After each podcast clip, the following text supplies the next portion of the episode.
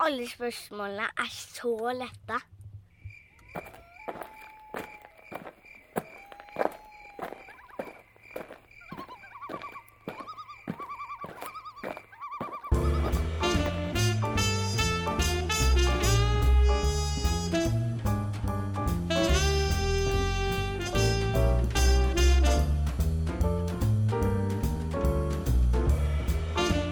Kjære lytter, sett deg ned i stolen og gjør klar for påskelunsjquiz.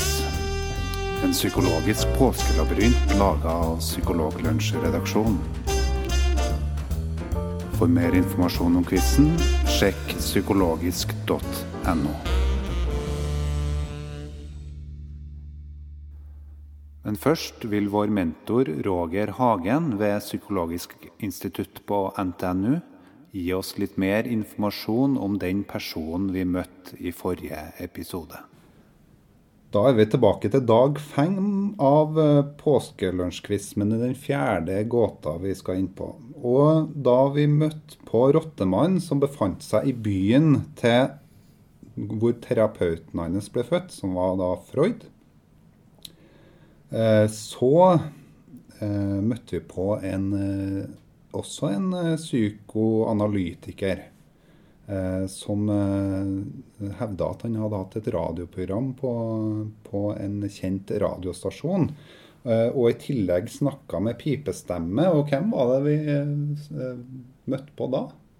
Ja, Det er ikke for å være ekkel, men han hadde en veldig lys stemme, da. Okay. Selv om at han skrev veldig mye og ja, kan man sikkert regne seg en av de store analytikerne som har levd. Altså Donald Winnicott.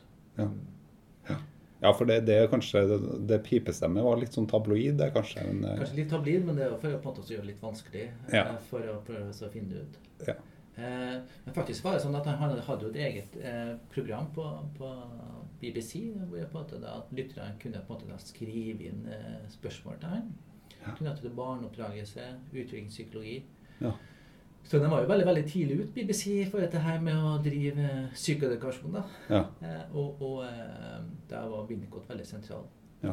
Men eh, jeg fikk til høre av en av mine veiledere som er veldig interessert i Winnicott, og hadde satt seg veldig mye inn i han og skrevet veldig mye om ham, at eh, når de hørte på Winnicott, da trodde de var en dame.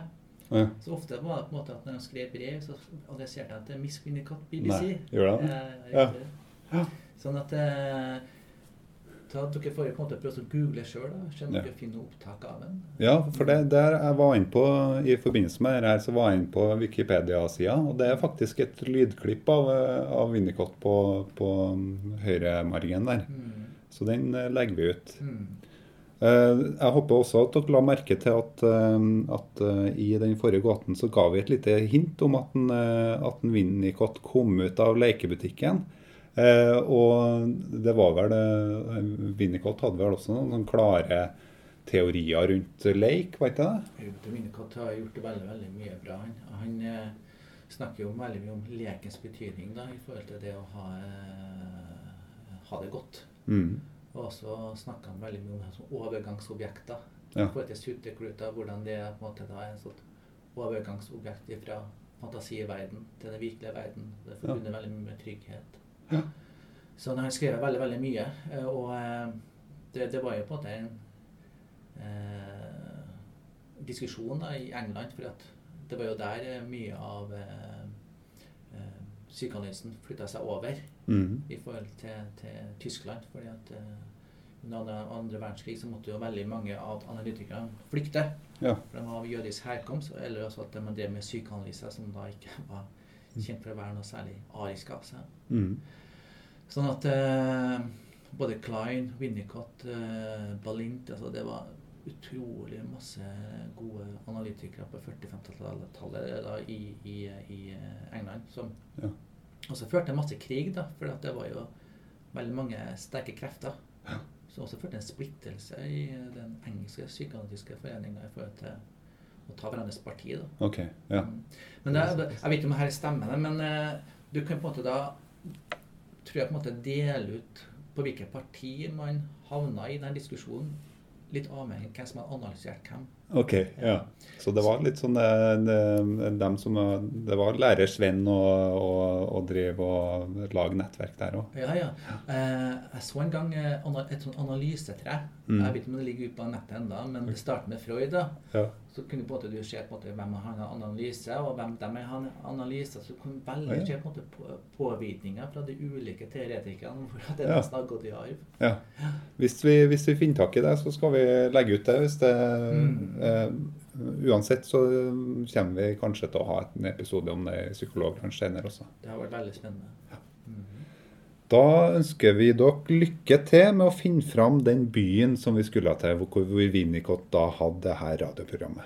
Ja, det er liksom hovedkvarteret til den Ja. Til radiostasjonen. radiostasjonen.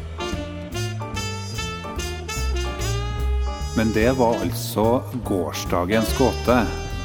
Nå går vi over til en ny gåte.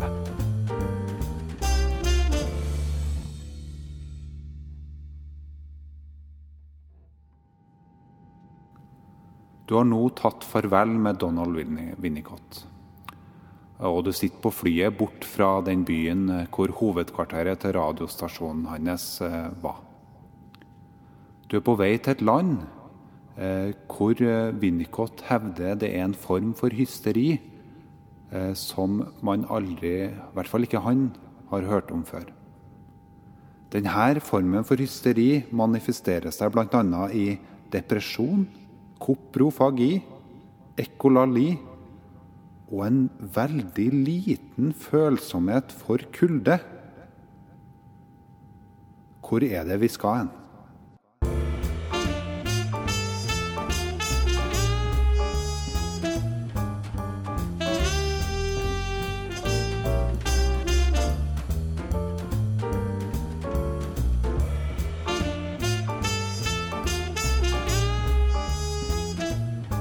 Ja, da skal vi altså til det landet hvor denne typen hysteri er mest utbredt. Lykke til.